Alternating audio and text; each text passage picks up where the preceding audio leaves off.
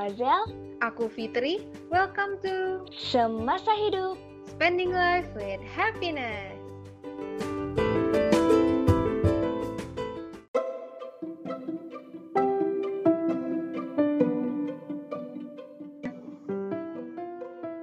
Sesuai dengan janji di episode sebelumnya, episode kali ini kita bakal bahas tentang kognitif dari remaja. Hai Azel. Hai juga Pite. Akhirnya ya kita menjawab nih apa yang udah kita bilang kemarin kalau kita bakal bahasin tentang perkembangan otak di remaja ya Teh ya. Betul. Nah, sebenarnya ini sama ya kayak di season-season sebelumnya, tapi bedanya di sini sekarang adalah remaja. Kita akan bahas gimana uh, kognitif dari remaja ini tuh berkembang. Kita bakal ngomongin ya pastinya tentang perkembangan kognitif yang didasari dengan perkembangan yang terjadi pada otak manusia itu sendiri, yaitu remaja. Mm-mm, bener banget. Nah kalau misalnya kita recall dulu ya Teh sama hmm. waktu di perkembangan bayi kan kalau waktu bayi itu masih ini ya maksudnya masih pondasi otaknya nih yang jadi fokus perkembangan kita bahas gitu ya. Hmm. Terus kalau waktu anak tuh kita fokusnya lebih ke gimana nih si neuron-neuron yang udah ada sejak lahir tuh bisa istilahnya aktif dan tersambungkan gitu kan.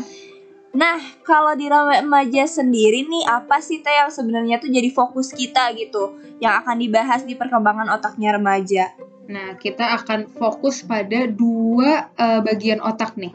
Jadi di bagian hmm. otak remaja ini ada dua sobat hidup. Yang pertama ada yang namanya amigdala dan juga korteks prefrontal. Nah, wow. apa sih bagian-bagian ini? Ternyata kedua bagian ini punya fungsi yang berbeda. Di mana kalau amigdala itu uh, bagian otak yang akan selalu ngebantu gimana proses uh, emosi yang terjadi pada remaja dan yang di bagian lainnya di korteks prefrontal ini adalah uh, bagian otak yang uh, akan ngebantu remaja untuk berpikir secara uh, apa ya dengan logika, nalar mm -hmm. dan juga pengambilan keputusan. Jadi ada dua okay. hal ya yang mau kita bahas. Hmm, dan dua hal itu sama-sama berkembang ya teh di remaja, cuman bedanya si korteks prefrontal ini tuh cenderung masih lambat, sedangkan si amigdalanya itu yang sangat pesat gitu ya. Mm -mm. Nah, kebayang nggak tuh teman-teman? Kalau amigdalanya lebih cepat ya, yang bagian emosi lebih cepat berkembang dibandingkan yang bagian logika. Hmm, makanya kayaknya pada mulai ngeh kan kenapa remaja-remaja itu tingkahnya seperti itu. Mm-mm, istilahnya kayak apa ya? Ya wajar aja mereka jadi kadang emosinya meledak-ledak karena istilahnya si rem untuk ngerem emosinya ini berkembangan berkembangnya tuh masih lambat gak sih? Mm-mm, bener. Ya, sebenar banget. Makanya juga mungkin ini ya, jadi salah satu penyebab ketika remaja itu sering melakukan hal-hal yang istilahnya tuh berisiko gitu karena uh, belum dipikirin secara panjang karena ketika mengambil keputusan itu masih banyak didominasi sama si emosinya gitu. Hmm, betul. Makanya sering banget kan kalau misalkan apa ya orang-orang dewasa mungkin atau orang-orang lain ya yang di tahap selain remaja itu ngelihat remaja nih kayak aduh sering banget sih bikin masalah. Aduh, kenapa yeah, sih yeah, yeah. Harus ngelakuin kayak gitu? Kok nggak dipikir dulu? Nah, kayak gitu. Nah, iya benar. Terus atau enggak kayak ih kok kayak gitu nanti nyesel loh di masa tua ya buru-buru mikir ke masa tua gak sih iya karena kan ya balik lagi tadi ya secara uh, perkembangan otaknya itu sendiri memang si amigdala ini uh, bagian otak yang melibatkan emosi itu lagi berkembangnya jauh lebih dulu mm -mm, mm -mm. Iya gitu. benar. Tapi walaupun kayak gitu bukan berarti sebenarnya remaja itu tuh gak bisa ngambil keputusan ya teh. Yes. Karena kan uh, secara umumnya si korteks prefrontalnya itu tuh udah berkembang gitu walaupun lambat. Mm -hmm. Jadi sebenarnya remaja tuh udah bisa nih dia tuh udah mampu untuk pengambilan keputusan mm -hmm. gitu. Dia tuh udah bisa juga mulai berpikir tentang oh ini ada masalah oh ini pemecahan masalahnya tuh bisa ada bisa A, bisa B, bisa C kayak gitu. Oh ini risikonya tuh seperti ini. Cuman uh, memang kadang kalau misalnya situasinya nggak tepat gitu ya, misal lagi emosi terus juga dihadapin masalah itu sih yang hmm. mungkin akan jadi hasilnya kurang baik gitu ya. Tapi sebenarnya mereka sendiri udah punya gitu kemampuan untuk bisa ngambil keputusan itu. Hmm, bener banget karena ya uh, balik lagi ya, mungkin kalau misalkan di anak-anak kan perkembangan secara korteks prefrontalnya ini kan belum belum gitu ya bahkan nggak ada. Mm -hmm. Nah di masa remaja ini mulai ada. Nah di situlah uh, apa ya kesempatan untuk belajar gitu. Gimana sih remaja remaja-remaja ini bisa ngambil suatu keputusan dalam kehidupannya? Karena kan pasti otomatis di sini juga sebenarnya udah mulai ada ya tantangannya kayak uh, kalau gede udah mau jadi apa nih? Lebih hmm, cita-citanya hmm. tuh lebih lebih apa ya lebih lebih konkret gitu lebih yang emang bukan yang kayak kalau pas kecil cita-cita jadi apa dokter? Udah yang kayak yang kayak gampang berubah-ubah. Tapi kalau misalkan di remaja ini udah pengambilan keputusannya ya harus berdasarkan pertimbangan-pertimbangan yang ya, real ya, ya, gitu banget. berdasar. Nah jadi ya, di situ sebenarnya udah bisa uh, dilatih juga gitu ya. Walaupun mm -mm, tadi kita bilang di awal kalau bagian amigdalanya yang melibatkan emosi itu berkembang lebih dulu Iya benar, aku setuju banget sih sama Pite bahwa ini adalah waktu yang tepat gitu buat remaja itu latihan ngambil keputusan gitu. Jadi istilahnya jangan orang tuanya atau orang sekitarnya terus yang mendikte, tapi juga hmm. jangan dilepas istilahnya dilepas ya udah terserah kamu 100% enggak cuman hmm. ini jadi tempat latihannya gitu ya. Yes, benar. Aku ini sih Zel, kalau misalkan untuk remaja ini aku sering banget nge-analogi ini tuh kayak main layangan Hmm, gimana tuh? Nah, jadi kayak misalkan orang tua nih, kalau ngadepin remaja tuh kayak main layangan aja. Jadi uh, kita biarin nih layangannya ini terbang bebas ke mana pun, tapi talinya atau benangnya itu tetap kita pegang. Jadi hmm, once dia terbangnya jauh banget kejauhan gitu atau melenceng, kita bisa tarik perlahan. Tapi yes, tetap yes, dilepas yes. lagi. Jadi tarik ulur, tarik ulur. Gambaran gitu. Udah keren banget belum analoginya? Benar. 100 Iya iya iya. Bener banget sih. Itu tips untuk ininya ya. Maksudnya tips untuk orang tuanya gitu ya. Kalau misalnya untuk remajanya sendiri mungkin dengan kayak nyadari nih kayak di uh, kalau dirinya itu emang apa ya maksudnya udah bisa mengambil keputusan tapi hmm. terkadang uh, isinya terpentok sama amigdala yang kayak lagi berkembang hmm. pesat banget. Nah mungkin remaja juga perlu ngeh gitu ketika mengambil keputusan itu perlu mencari uh, waktu ketika emosinya tuh nggak lagi meledak-ledak gitu. Hmm. karena kalau misalnya remaja ngambil keputusan di waktu yang lagi tepat gitu dengan pikiran tenang tuh pasti remaja bisa ngambil keputusan yang tepat gitu. Hmm, setuju. Benar banget benar banget. Bisa jadi ini ya bisa jadi warning juga gitu. Kalau misalkan hmm. oh mau ambil sesuatu keputusan yang ini banget nih yang emang krusial banget gitu ya.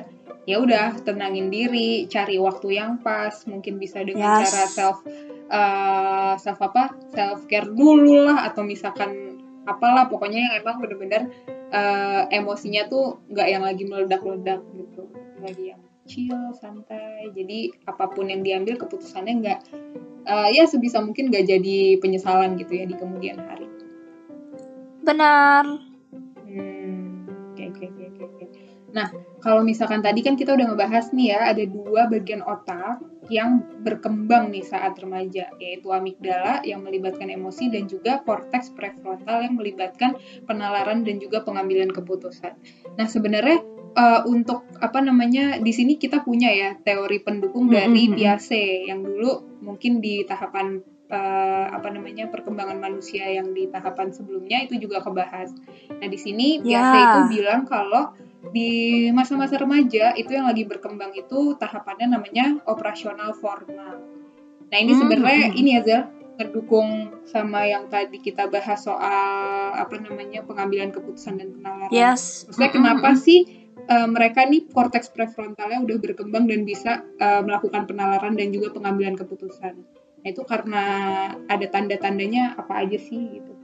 Yes, benar. Jadi dari dua hal tadi yang lagi berkembang, akhirnya kan istilahnya outputnya itu mereka tuh seperti apa gitu ya karakteristiknya. Mm-hmm. Nah, karakteristiknya sendiri kalau misalnya di remaja itu ada tiga hal nih yang berkaitan sama pemikirannya. Mm-hmm. Nah, apa aja? Yang pertama itu ada pemikiran yang abstrak, terus juga idealis dan mm-hmm. juga pemikiran yang logis gitu. Okay. Nah, kalau misalnya logis gimana tuh, Teh? Oke, tadi ada tiga ya. Nah, kalau si logis sendiri ini ya sama sih kayak kata-katanya logis gitu ya. Jadi remaja remaja-remaja di sini nih udah nggak perlu sesuatu yang konkret kayak di tahapan uh, manusia sebelumnya.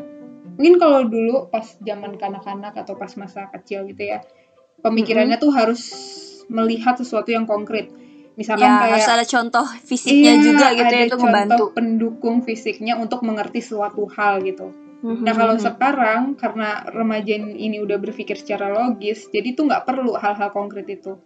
Misalkan nih, Mhm. kayak misalkan uh, remaja ini nih udah bisa membuat suatu kesimpulan, kayak misalkan oh ada A, B dan juga C, bahwa A itu sama kayak B dan B itu tuh sama kayak C.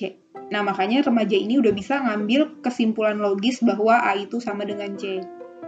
Oke, oke. Dan itu tuh cuman ini aja ya, maksudnya petunjuk verbal aja, petu- petunjuk Iya. tulisan ataupun omongan aja mereka udah paham gitu ya, nggak perlu lihat bentukannya tuh seperti apa gitu ya, Teh. Betul, tanpa perlu bentuk konkret kayak anak-anak gitu ya.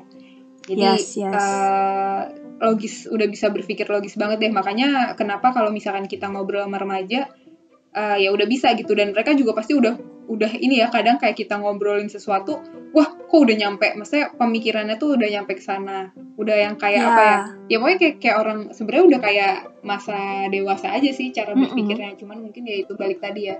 Karena tadi masih ada amigdala yang berkembang pesat, jadi kadang Mm-mm. pemikiran logisnya itu nggak sepenuhnya logis gitu. Iya, karena ini ya tertutup emosi. Iya bener. Tapi basically mereka udah bisa berpikir eh, kayak gitu. Oke, iya benar. Nah, selanjutnya mungkin yang karakteristik abstrak nih. Di tahapan ini tuh kayak remaja itu udah kayak memikirkan gitu. Memikirkan Hmm. apa? Memikirkan si pemikiran itu sendiri. Nah. Nah, apa sih maksudnya? Kayak gitu. Jadi kayak nih, misal di fase remaja itu dia udah mikirin nih kayak kayak sebenarnya itu kayak aku tuh siapa sih? gitu. Misal aku tuh siapa. Terus ketika dia mempertanyakan itu mereka juga mikir kenapa aku mikirin aku siapa? gitu. Jadi hal-hal yang mereka pertanyakan tuh mereka pertanyain lagi gitu. Kok aku mikirin ini? Kok aku tuh suka ini? Kayak gitu. Kayak segitu deh. Jadi kayak pikirannya tuh istilahnya mm-mm, mendalam bener-bener kritis istilahnya. Mungkin kayak ini ya kenapa buku tuh diem gak bergerak hal-hal kayak gitu tuh dipertanyakan secara dalam gitu. Hmm, hmm, hmm.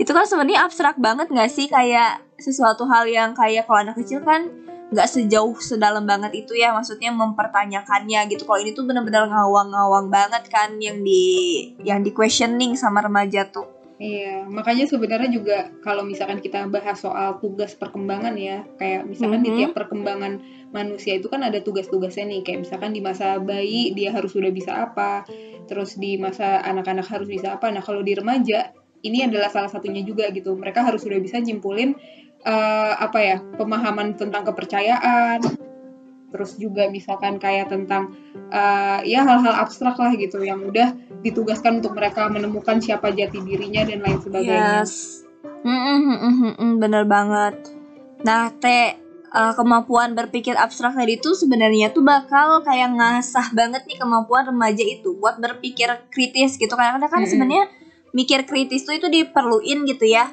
masa kita mau diem-diem aja ngikut-ngikut aja gitu kan perlu berpikir kritis gitu Hmm. nah berpikir kritis ini itu tuh berkaitan nih sama kayak emang di remaja itu dia udah apa ya eh, peningkatan kecepatan atau kapasitas mereka tuh dalam memproses informasi gitu Hmm. Nah, tapi hal ini itu akan terjadi kalau misalnya kayak keterampilan dasar waktu mereka masih di masa kanak-kanak kayak kemampuan literasinya, kemampuan matematika, pemahaman mereka akan yang hal-hal istilahnya tuh dasar banget itu waktu sebelumnya itu tuh, tuh terkembangkan gitu. Baru mereka Hmm. di fase ini tuh bisa kritis gitu, bisa berpikir kritis. Kalau misalnya emang pas masa kanak-kanak istilahnya sih kognitifnya tidak terstimulasi terus tugas-tugas kalau waktu awal-awal SD kan kayak belajar matematika, menulis kayak gitu. Nah, kalau misalnya itunya mereka gagal, mereka pun akan sulit untuk bisa berpikir kritis pada masa remaja. Iya, nah selanjutnya nih ada lagi nih yang tadi poin ketiga ya yang tadi udah disebutin yaitu idealisme. Di mana remaja-remaja ini nih udah mulai berpikir eh, apa ya punya idealisme tersendiri gitu dan membayangkan kemungkinan-kemungkinan yang bisa terjadi. Nah sebenarnya idealisme pada remaja ini kayak gimana sih Zal gambarannya?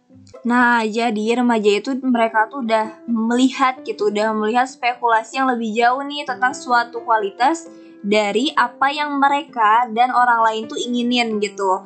Nah, hmm. makanya tuh mereka suka kayak jadi istilahnya udah daydreaming gitu, udah berangan-angan bahwa kayak oh aku di masa depan ini ingin jadi dokter atau ingin jadi apa gitu sih.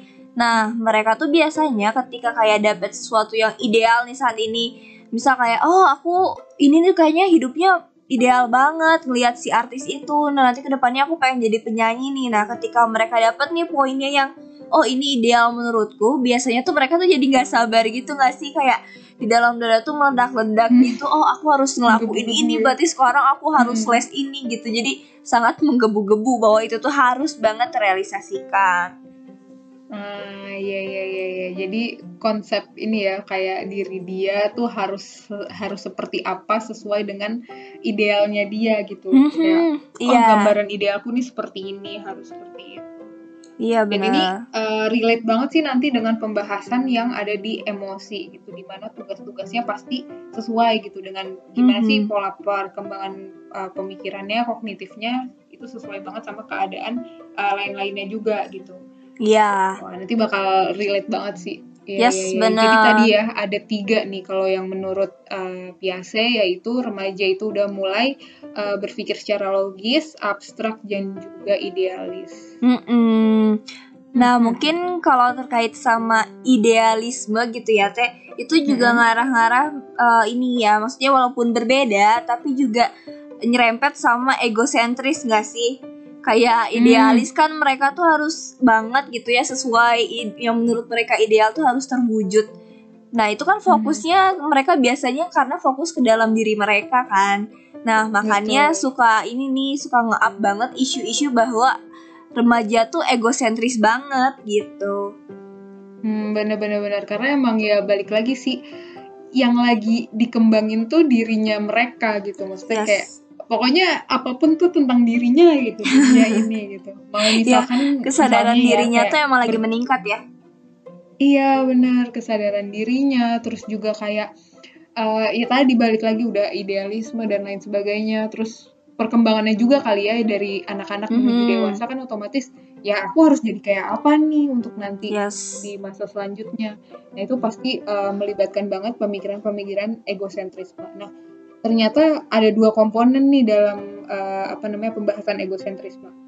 Yang pertama mm-hmm. itu ada imaginary audience dan juga ada personal fable. Nah ini uh, dua hal yang ngomongin soal egosentrisme, di mana yang pertama imaginary audience ini adalah remaja itu tuh yakin kalau orang lain tuh berminat banget deh sama dirinya sebagaimana sebagaimana sama berminatnya dia terhadap dirinya. Yes. Maksudnya gimana? Maksudnya gini uh, sobat hidup ini gak sih? Dulu ngerasa gak sih kalau misalkan kayaknya udah pernah kita bahas kalau misalkan jalan di tengah lapangan itu tuh seakan-akan satu sekolah kayaknya ngeliatin kita gitu. Jadi kita harus act like uh, sesuai standar kita gitu. Pokoknya jangan sampai kelihatan memalukan gitu. Atau misalkan punya jerawat kecil yes, yes. gitu di mana gitu di pipi. Itu seakan-akan kayak semua orang tuh sadar gitu sama jerawatnya dia. Ya. Jadi kayak gitu ngerasa kayak uh, ya semua ini sih kayak aktor utama nggak sih? Hmm, udah betul. ngerasa jadi aktor utama di atas panggung padahal sebenarnya orang lain juga nggak semerhatiin itu. Iya bener-bener bener bahkan ya orang lain juga mikirin dirinya sendiri kali ya kalau misalkan sama-sama di lingkungan remaja gitu. Yes benar Ya, makanya itu sih kelihatan banget kan berarti itu emang uh, berfokus pada diri sendiri atau egosentris. Terus kalau yang kedua yang personal fable tuh kayak gimana Zan? Nah, kalau yang personal fable itu, jadi remaja ini tuh bener-bener kayak menghayati kalau dirinya tuh nggak terkalahin gitu, kalau dirinya tuh unik gitu. iya, jadi kayak kadang tuh jatuhnya karena dia tuh menghayati bahwa mereka tuh sangat unik dan juga nggak terkalahkan. Kadang tuh mereka merasa bahwa nggak ada seorang pun nih yang bisa memahami perasaan mereka yang sebenarnya gitu. Ini juga mungkin yang ini ya, maksudnya banyak remaja-remaja yang ngerasa nggak diperhatiin atau gimana karena ya mereka sendiri emang ngerasa memang orang lain tuh nggak ada yang bisa memahami diri mereka secara utuh sih. Hmm, makanya kadang juga banyak ya misalnya kayak remaja-remaja yang memilih untuk diam memilih untuk nggak Yes. terbuka sama orang tuanya di lain hal karena mereka emang deket lebih dekat sama teman-teman mungkin tapi di saat di sisi lain ternyata ya kayak gitu ngerasa bahwa Mhm, ya aku tuh mhm. kayak gini Iya, udah bener percuma banget. kayak aku nggak kayak kayak orang tua aku nggak akan ngerti aku bahkan eh, orang tua juga pernah melewati gitu ya masa-masa remaja yang pasti eh, tahu gitu seharusnya kayak gimana sih yang dihadapin jadi mungkin tips buat remaja remaja juga perlu ini ya perlu apa namanya menyadari juga gitu bahwa sebenarnya ya emang perasaan-perasaan itu akan ada gitu tapi Mhm. eh, ya balik lagi ditahan tuh si amigdalanya ya Iya iya iya benar. Dan ini sih satu lagi kan tadi Mhm. kalau yang tadi yang kayak apa? Maksudnya ngerasa orang lain nggak memahami itu karena ini ya, karena dia merasa dirinya tuh unik banget gitu berbeda. Yes. Nah, kalau yang satunya lagi yang ngerasa kayak tidak terkalahkan itu contohnya mereka itu biasanya kayak mau melakukan beberapa hal yang karena yang berisiko tinggi karena mereka tuh istilahnya ngerasa bahwa ya udah nggak apa-apa aku bakal eh, bakal berjalan sesuai keinginanku. Misalnya kalau remaja kan eh, kerap juga sama isu isu-isu sama ini ya maksudnya perilaku seksual yang istilahnya Hmm. menyimpang gitu ya. Nah karena mungkin Hmm. mereka juga berpikir ah biarin aja seks bebas orang aku juga nggak akan sampai ke hamil kok gitu. Jadi kadang itu mereka tahu tahu resikonya tapi itu mereka merasa bahwa mereka tuh akan menang gitu. Bahwa apa yang mereka kehendaki misal nggak akan hamilnya itu tuh akan terjadi gitu. Itulah kenapa pada masa remaja itu banyak sekali perilaku perilaku istilahnya sering disebut dengan kenakalan remaja Hmm, banyak ini ya, banyak perilaku yang ekstrim gitu. hmm betul banget Mulai dari balapan liar lah, misalkan nyoba-nyoba. Eh, Iya. Iya, iya, iya, iya. Mm-mm, Bayang. karena mereka juga mikir kayak ya udah balapan liar aku juga nggak akan kenapa-napa gitu maksudnya nggak akan kalah sampai maksudnya bisa mencelakai dirinya gitu pikiran mereka tuh sangat optimistis gitu tentang dirinya sendiri Oh, sakti ya. iya sakti Iya, iya, iya. Unik sih tuh. Jadi kita jadi Mm-mm. tahu ya, maksudnya ternyata emang ada pemikiran seperti itu pada remaja. Jadi ya di sisi lain kita jadi lebih bisa eh, apa ya, mencoba memahami mereka. Tapi di sisi lain juga buat remajanya sendiri jadi paham, oh ternyata yang terjadi sama dirinya tuh kayak gitu. Yes benar jadi ngerasa kalau oh ini tuh ternyata sesuatu yang umum ya sesuatu orang yang emang lewatinnya tapi juga aku perlu istilahnya bikin tips-tips nih supaya bisa ngalahin pemikiran-pemikiran yang mungkin nantinya akan mendatangkan risiko yang lebih besar eh, negatifnya gitu.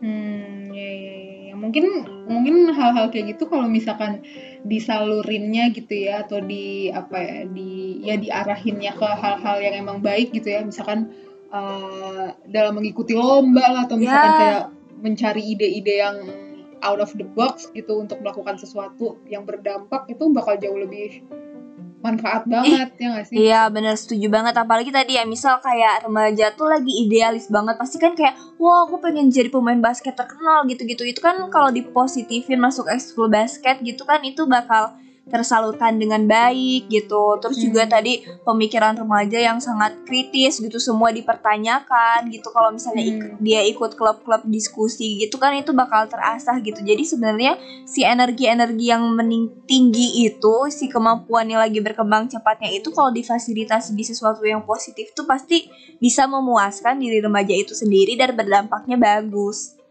Hmm, setuju, setuju banget sih, setuju banget. Emang energi remaja nih kayak bener-bener kayaknya energi paling gede tuh ya di masa ini gitu ya. Tapi ya balik lagi tadi kalau misalkan diarahin sesuai dengan eh, apa ya jalur yang tepat gitu ya, nggak Mhm. bener nggak salah tapi tepat. Nah itu eh, akan jauh lebih eh, optimal. Nah ini Yes. nanti akan relate banget ya sama pembahasan kita selanjutnya kalau misalkan Mhm. ternyata remaja-remaja ini ya memang lagi pencarian identitas diri. Nah kayak tadi nih misalkan Azel bilang, oh kalau misalkan dia suka basket atau apa itu bisa disalurkan dengan baik. Nah pencarian identitas diri ini atau pencarian kira-kira mau jadi apa sih kalau udah gede? Kamu tuh siapa sih? Itu bakal kebahas banget di eh, pembahasan selanjutnya. Ya? Yes, betul. Jadi jangan lupa nantikan episode perkembangan remaja sosio emosi. Yuhu. Nah, mungkin itu aja ya untuk pembahasan di kognitif pada podcast atau episode hari ini. Semoga bermanfaat. Kita ketemu lagi. Bye, see you. Bye bye. Thank you sobat hidup.